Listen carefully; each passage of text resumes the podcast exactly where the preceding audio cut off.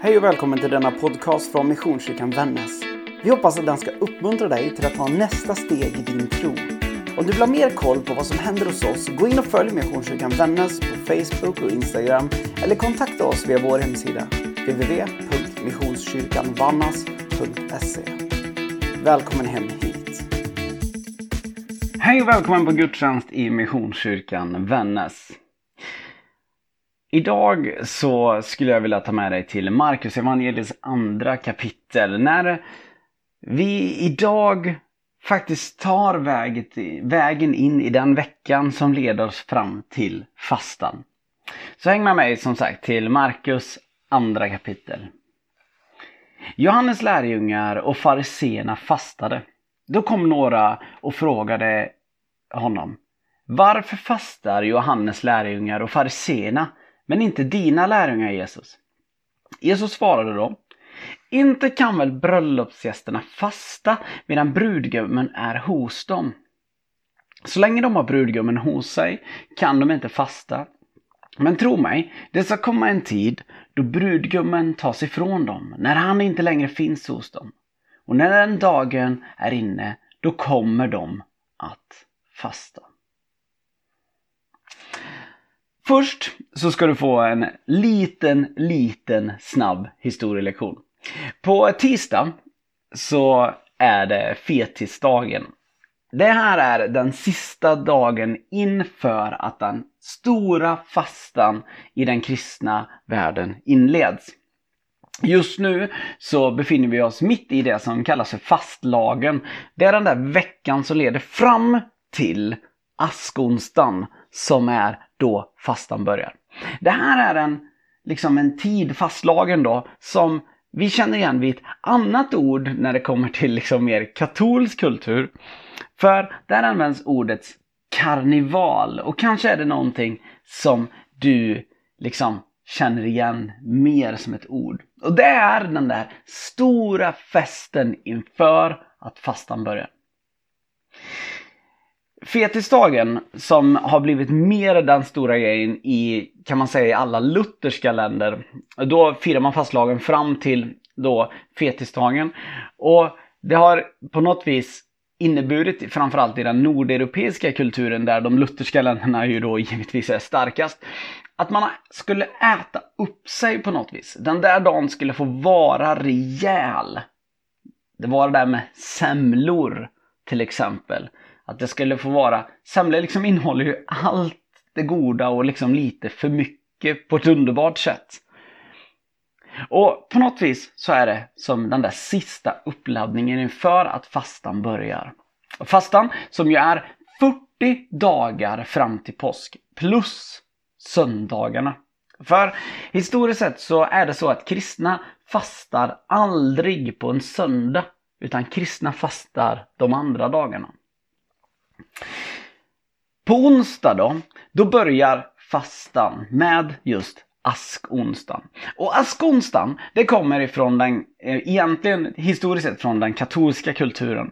Och den fungerade så här att på den här dagen så hade man en, en, liksom en, saml, en, en gudstjänst där man, eh, där man eh, liksom fick en, liksom, ett kors stryket i pannan utav välsignad aska.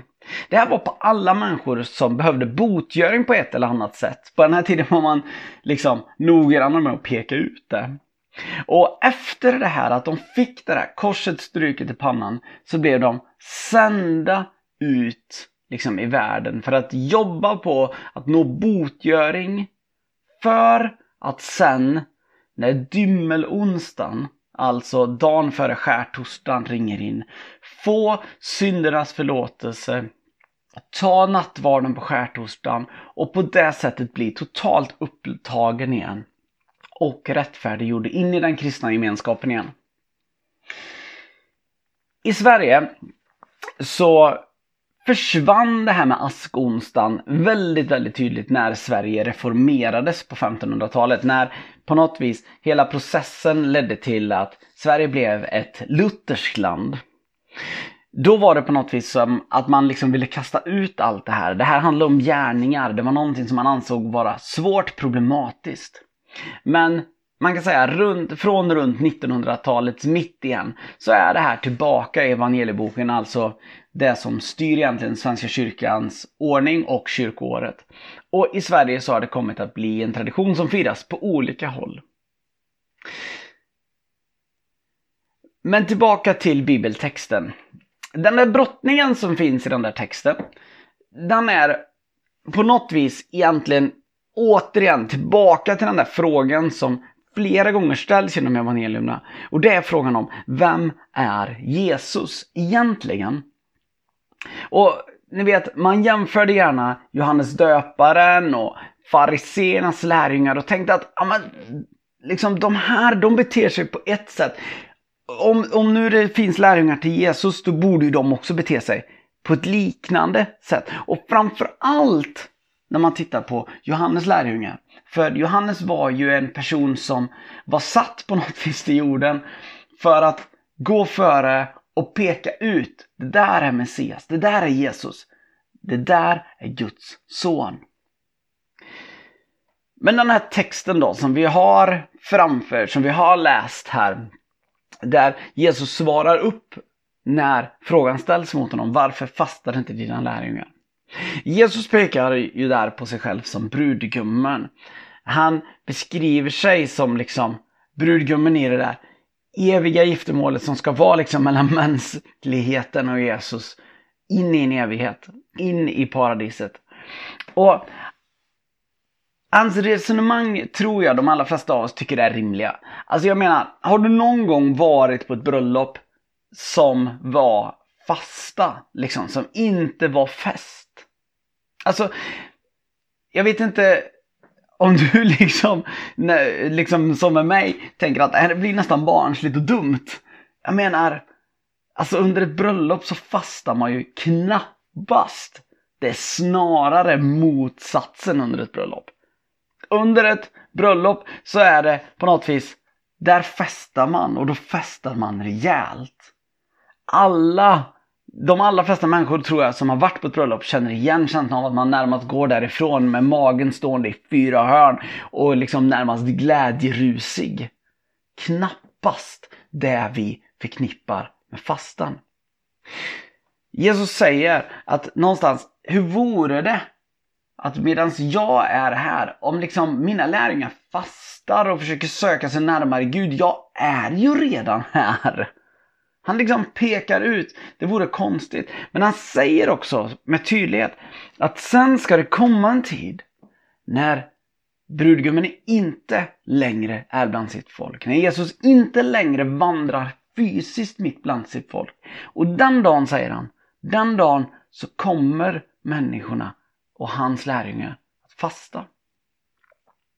Jag skulle säga på ett sätt att det här är en uppmuntran till fasta.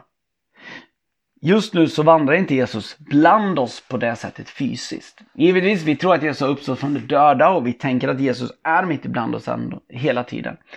Men jag tänker att den här texten är en uppmuntran till oss att fasta. Men vad är då egentligen en fasta? Ja, I grunden så vill jag verkligen poängtera för dig här nu. En fasta är inte en fasta i den här bibliska benämnelsen om det inte är någonting som avser att ge mer tid åt Gud. Om det är någonting som är tänkt för andra saker, då är det inte det som Bibeln beskriver som en fasta. Jag är fullt medveten om att det finns fantastiska moderna fastor som leder till så mycket gott. Liksom att ja, men jag drar ner på mina sociala medier eller jag ska under en tid inte äta något socker eller jag ska titta mindre på TV eller Alltså vi har ju även i moderna tider även sett det som en hälsometod. Vem minns inte 5-2? Jag, jag minns inte ens om det var att man skulle käka fem dagar och, och fasta två eller om det var att man skulle fasta fem och äta två. Jag har ingen aning. Jag minns inte. Men det var en hälsometod som skulle leda till ett ökat välbefinnande. De är säkert jättebra som fastemetoder, men det är inte fastor som primärt oftast används för att kanske söka Gud. Den där frågan som jag tänker att vi som kristna, om du ser det som det att du liksom ska ställa dig inför när man går in i, en, i fastan. Det är att fundera på den här fastan som jag planerar för nu, som jag tänker på, som jag liksom kanske ja, men tänker det här kan vara en väg för mig.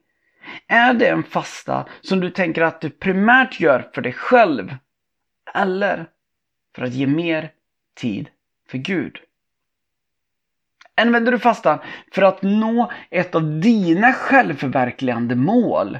Eller är den här fastan till för att du längtar efter att nå en djupare relation med Gud? Fasta kan ju ske på så en mängd olika sätt. Och jag tänker, vi går just nu in i, man brukar ju tala liksom i den världsvida kyrkan och kanske än mer i den katolska traditionen. Så brukar man prata om den lilla och stora fastan. Den lilla fastan den är inför jul och den stora fastan är inför påsk. Det är på något vis fastor som där man fastar för att förbereda sig, göra sig liksom mer mottaglig av Gud inför de stora högtiderna för att ännu mer göra påsken ännu mer liksom påtaglig för en. Eller julen än mer påtaglig för en. Ett annat tillfälle där fasta verkligen uppmuntras är fasta i samband med stora beslut. Jag menar, jag tror att fastan borde vara egentligen en större del utav den kristna praktiken av det kristna livet. Jag vet inte om du känner igen det här, men eh, jag känner ja, men liksom en bekant till mig Eh, som jag lärde känna under, under eh, min uppväxt i Tibro, eller kanske framförallt de sista åren när jag jobbade i församlingen. Det var en person som kom och predikade ibland, eh, eller så här någon gång emellanåt hos oss. Det här var en man som inför varje stort viktigt beslut liksom, som, så berättade han för mig, så satte han sig alltid i fasta. Och en gång så hade han bestämt sig för, han hade en dröm liksom, att han längtade efter att få komma till något ställe där det här var någonting som praktiserades så stort och så viktigt. Och det finns då en plats i Korea. Där man brukar prata om bönegrottorna i Korea. Och han liksom åkte till den där platsen och det där var en sån här plats där människor ständigt fastar och ber inför stora beslut. Och han liksom bara längtade, det här måste jag få pröva, det här vore så häftigt att få se. Och, och att få uppleva. Och han upplevde en sån styrka i att dels få komma till den här platsen där det bad så mycket, men där också praktiken var så inarbetad. Att inför de här stora, viktiga besluten i livet så behöver vi liksom bromsa. Vi behöver liksom ta bort de yttre fokuserna. Vi behöver lägga mer tid i bön. Men framförallt söka Gud på allvar. För att hitta det där vägen framåt. Jag är väl kanske inte varit den som har varit storfastaren, det ska jag ärligt erkänna. Eh, det där med mat ehm, är en sån där last för mig. Det ska jag ärligt erkännas. Och jag inser att, att det, det, påverkar mig mer än vad jag vill kanske erkänna. Men däremot så känner jag igen behovet av att söka Gud mycket, mycket mer vid stora beslut. Det är som att det blir lättare för mig att lägga mer tid på att söka Gud inför ett stort beslut. Och jag tror att alldeles oavsett vad som är vägen fram för dig så tror jag att fastan kan verkligen få vara en hjälp. Dels som nu, där vi liksom på något vis som kristna på något vis uppmuntras att gå in i en period av fasta inför påsk. Men också i din vardag. När du står inför de där stora besluten, och då pratar jag om beslut som kanske handlar om vad ska jag göra när jag blir stor? vilket vägval ska jag välja här när det kommer kring min karriär kanske? Alltså där du kanske har fått ett beslut via ditt arbete. Eller kanske inför, ska den, eh, liksom, ah, ska jag fria till den här personen jag älskar? Eller liksom, Eh, ska vi liksom, när, i, i frågan om liksom, det är kanske inte ett beslut men liksom om man väntar barn till exempel kanske. Eller, ja men ni fattar, de här stora, stora besluten som liksom styr så mycket. Eller om du ska gå in i ett ledarskap någonstans eller om du ska liksom gå in i en ny uppgift i, i församlingen eller vad den är. Att faktiskt söka Gud. Och fastan kan verkligen få vara en hjälp där. Att kanske bestämma sig för att nu tar jag bort någonting för att istället lägga all den tiden jag tar bort på att än mer söka Gud och Guds vilja. Att våga lyssna, att våga ta tid för att lyssna till Gud. Jag skulle verkligen vilja uppmana dig idag att ta järva steg ihop med Gud. Jag skulle verkligen vilja liksom utmana dig att öppna på, för tanken på fasta och ledning. Jag skulle verkligen vilja uppmuntra dig att kunna se, kanske ska du på något vis gå in i någon form av fasta de här 40 dagarna inför påsk. Det kanske inte innebär för dig att, liksom, som jag hörde, trappistmunkarna som en munkorden som Eh, bland annat finns mycket i Belgien. De, de, eh, de hörde jag att, liksom, eller läste jag om häromdagen, att deras, eh, de åt aldrig, traditionellt så åt de aldrig någon fast föda under fastan, förutom på söndagen då. Och genom det här så blev det en tradition att de ville brygga ett öl eller en brygd på något som innehöll mycket näring.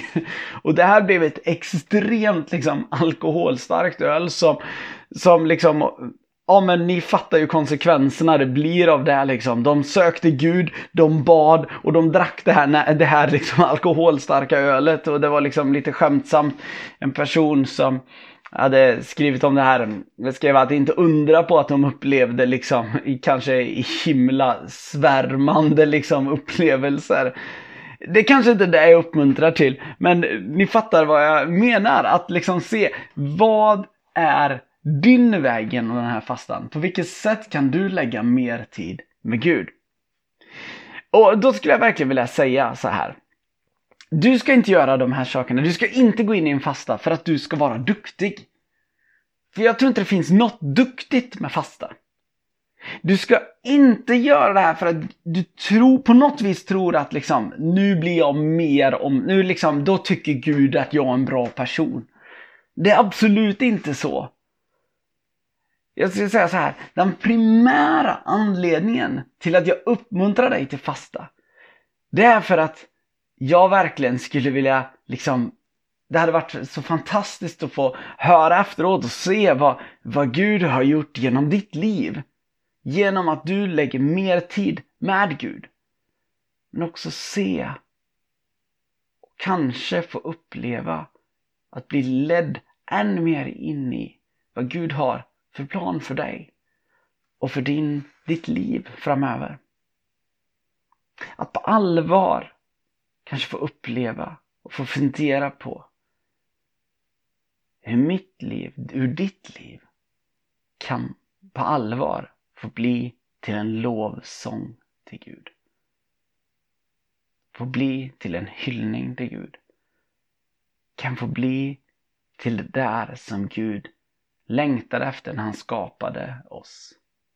Ett liv i än tydligare gemenskap med vår Herre, med vår Gud. Låt oss be. Herre Jesus Kristus, tack för fastans möjlighet. Herre, tack för att du öppnar en mängd möjligheter, en mängd sätt att söka dig. Herre, jag ber dig att du ska komma till var och en med utmaning, med uppmuntran, att, att pröva att fasta.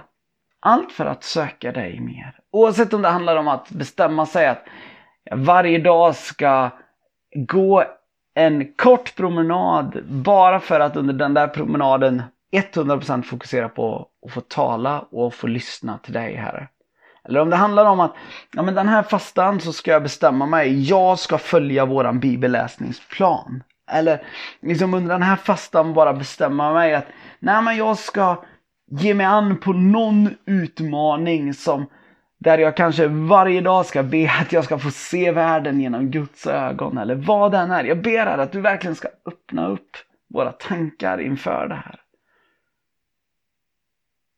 Herre, tack för att fastan är bland det mest kravlösa du har gett mänskligheten. Fastan är 100% en möjlighet. Fastan är 100% på något vis vårat sätt att svara på din djupa längtan till oss. Herre, jag ber att du ska visa på det för oss. I ditt heliga namn. Amen.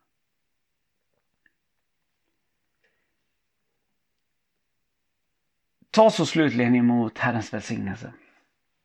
Herren välsigne dig och bevara dig. Herren låt sitt ansikte lysa över dig och vara dig nådig.